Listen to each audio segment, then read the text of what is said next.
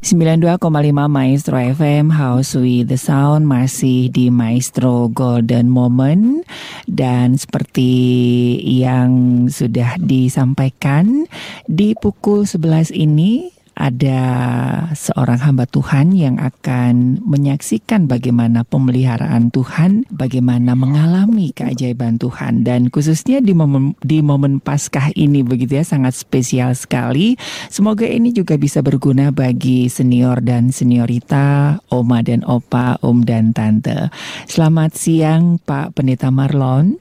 Selamat siang Oke, iya. Silakan Pak Pendeta Marlon diperkenalkan dan langsung diceritakan bagaimana kasih Tuhan yang dirasakan, Pak. Saya Pendeta Marlon Dorus Sipasolta, eh, Gembala Sidang di GMI Revival di Jalan Garuda. Nah, saudara sekalian, saya ini punya pengalaman dengan Tuhan melalui radio Maestro. Mm-hmm. Nah, beberapa hari yang lalu saya ketemu dengan Bapak Stephen dan kami ngobrol dan beliau mengatakan, Pak, bolehkah Bapak menyaksikan lagi di radio ini? Saya bilang, oh dengan yeah. senang hati. Mm-hmm. Nah, itu sebabnya untuk opa oma, saudara-saudara sekalian, saya ingin bicara. Memang ada saat tertentu di kehidupan ini, khususnya bagi kita yang sudah mulai ber, uh, menjadi uh, tua, mm-hmm. sering kali uh, hal ini memang tidak bisa dihindari. Dan ada sering kali beberapa orang mengatakan bahwa orang tua itu sudah tidak produktif lagi uh, karena pergerakannya dibatasi oleh keadaan fisik yang makin melemah. Ditambah lagi anak-anak, cucu, mantu, dan kerabat terdekat sudah tidak bisa lagi tentu tidak bisa menemani kita selama 24 jam. Nah, sekali situasi seperti ini uh, membuat beberapa orang tua menjadi frustrasi, putus asa dan kemudian dia mengatakan kok situasinya begini. Tetapi berita baiknya adalah bahwa Tuhan berjanji untuk terus menggendong kita sampai masa putih rambut dalam belahan kasih sayangnya yang ajaib dan tidak akan tinggalkan Bapak Ibu Saudara dalam kasih sayangnya pula dia akan selalu mengasihi setiap kita.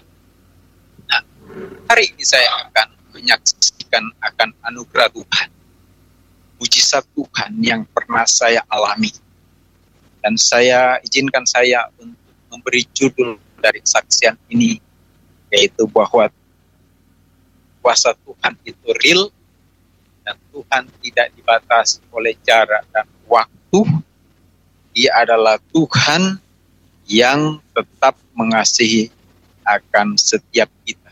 Bahkan dia dapat melakukan jauh lebih banyak, jauh lebih sempurna dari apa yang dapat kita pikirkan dan apa yang dapat kita bayangkan. Saudara sekalian, kekasih-kekasih Tuhan, sekian tahun yang lalu ketika saya menjadi pengerja gereja. Saya mendapat persembahan kasih dari gereja saat itu sebanyak 500 ribu per bulan dan saya sudah punya anak, uh, istri tentu satu, dan kami masih harus kontrak rumah. Nah saya tetap melayani Tuhan Walaupun saya sering kali mengeluh di dada saya dan lambung itu seperti terbakar panas dan kemudian perih luar biasa. Saya sudah beberapa kali ke dokter memeriksakan akan kesehatan saya dan dokter mengatakan, oh Anda sakit mah. Berbagai obat mah setelah dicoba saya konsumsi tapi tidak kunjung selesai. Tetap seperti itu. Nah,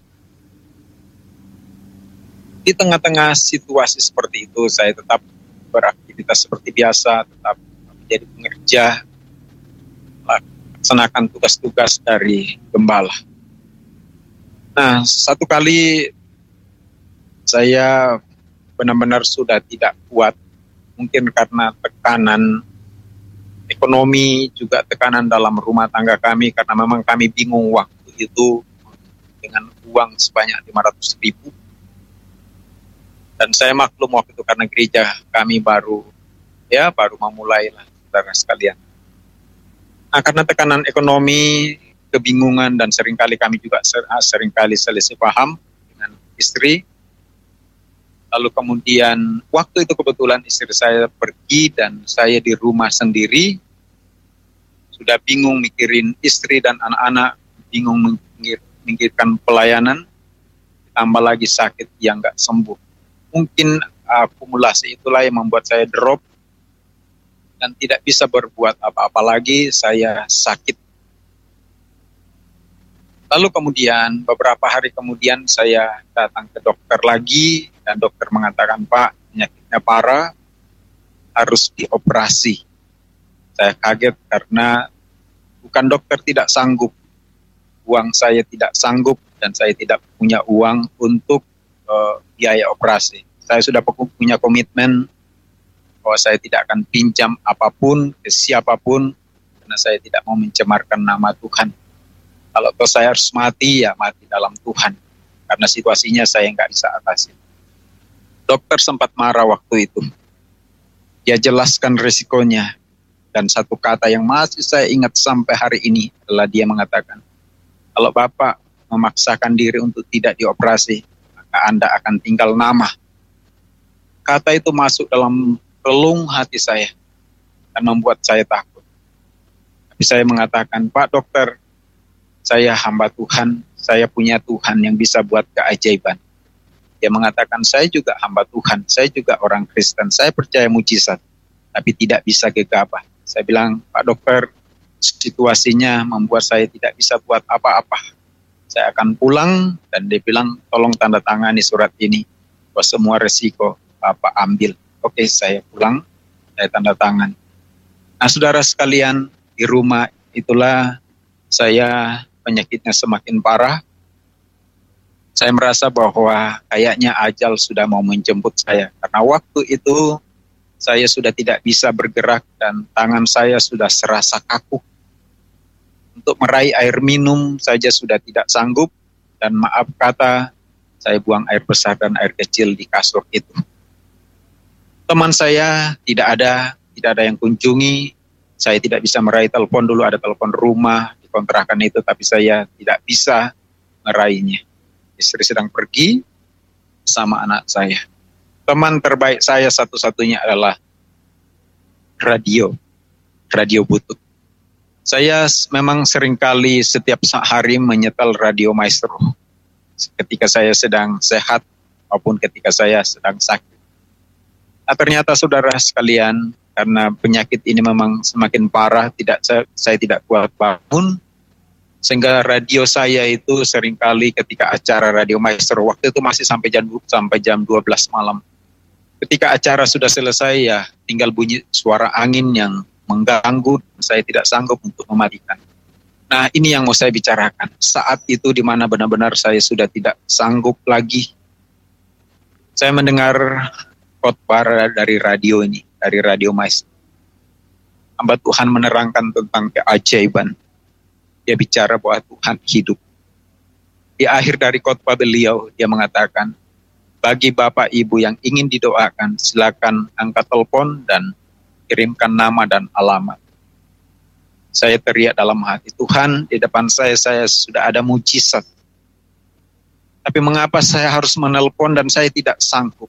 Engkau tahu hati saya, dan saya hanya bisa menangis. Saya bilang, kasihani hambamu. Kalau engkau mau pakai hambamu, sembuhkan saya. Setelah itu hamba Tuhan berdoa dari radio dan secara ajaib saya seperti merasakan disiram dengan aliran air yang begitu sejuk dan segar.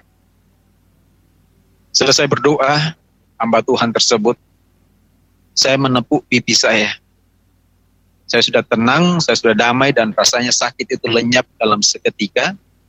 Dan dugaan saya bahwa saya sudah mati. Saya sudah berada di luar dari hidup saya, sehingga saya tidak merasakan sakit lagi. Saya coba cubit pipi saya lagi. Dan ternyata saya bisa merasakan cubitan saya. Keajaiban yang saya alami tiba-tiba saya bisa bangun padahal sudah beberapa hari untuk memiringkan badan saja sudah tidak sanggup lagi. Saya berdiri, saya bangun, saya keluar dari kamar saya, lalu kemudian saya cuci tangan, saya cuci muka, dan saya buka air keran itu dan saya minum. Saya merasakan air dari keran itu masuk ke lambung saya. Dan saya mengatakan terpuji nama Tuhan. Saya tidak mati, tetapi saya hidup. Dari situ saya mengambil satu kesimpulan bahwa di tengah-tengah kesendirian saudara, mungkin ada saudara yang sedang sendiri dan kau tidak tahu harus berbuat apa. Kau tidak bisa memikirkan lagi solusi. Saya memberitahukan bahwa Tuhan dapat menyalurkan kuasanya melalui apa saja, bahkan melalui suara hamba Tuhan, melalui udara, dan melalui sebuah siaran radio. Berulang-ulang kali saya bicara di Radio Maestro untuk bicara bahwa engkau Bapak Ibu Saudara sekalian, kau bisa mengalami lawatan Tuhan lewat apa saja, bahkan melalui sebuah radio. Saya adalah saksi hidup dan saya sekarang menjadi seorang gembala sidang dan telah diluputkan dari maut. Bukan tangan pendeta, bukan minyak urapan, bukan doa tangan dari rekan-rekan seiman, tapi hanya jarak jauh. Itulah yang saya yakini bahwa Tuhan dapat menggunakan apa saja. Dan sekarang doa saya menyertai radio ini, radio maestro ini. Kiranya ke depan, sekarang-sekarang ini bahkan, banyak orang yang akan diselawat oleh Tuhan. Baik di kota ini, di luar kota ini, di seluruh Indonesia, bahkan di seluruh dunia. Saya berdoa, kiranya setiap broadcast yang digunakan ini menjangkau banyak orang untuk kemuliaan Tuhan dan bagi rekan-rekan yang terlibat dalam pelayanan Radio Maestro, owner Radio Maestro, saya menghimbau untuk tetap semangat, walaupun memang tantangannya banyak. Tapi ketahuilah Bapak Ibu Saudara sekalian, tanpa kalian sadari, kalian telah dipakai Tuhan untuk kemuliaan namanya. Dan terpujilah nama Tuhan. Saya berdoa, kiranya radio ini akan dipakai Tuhan. Bagi kemuliaan Tuhan di masa yang akan datang. Demikianlah kesaksian saya. Doa saya menyertai saudara sekalian, para pendengar maestro, di mana pun engkau berada. Percayalah, mujizat Tuhan masih ada sampai hari ini. Tuhan yang kita sembah adalah Tuhan yang tak berubah. Dulu, sekarang, dan selama-lamanya.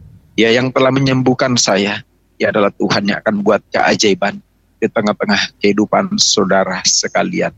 Tuhan memberkati kita. Salam hormat. Saya Pendeta Marlon Dorus Sipasultan dari GMI Revival Bandung.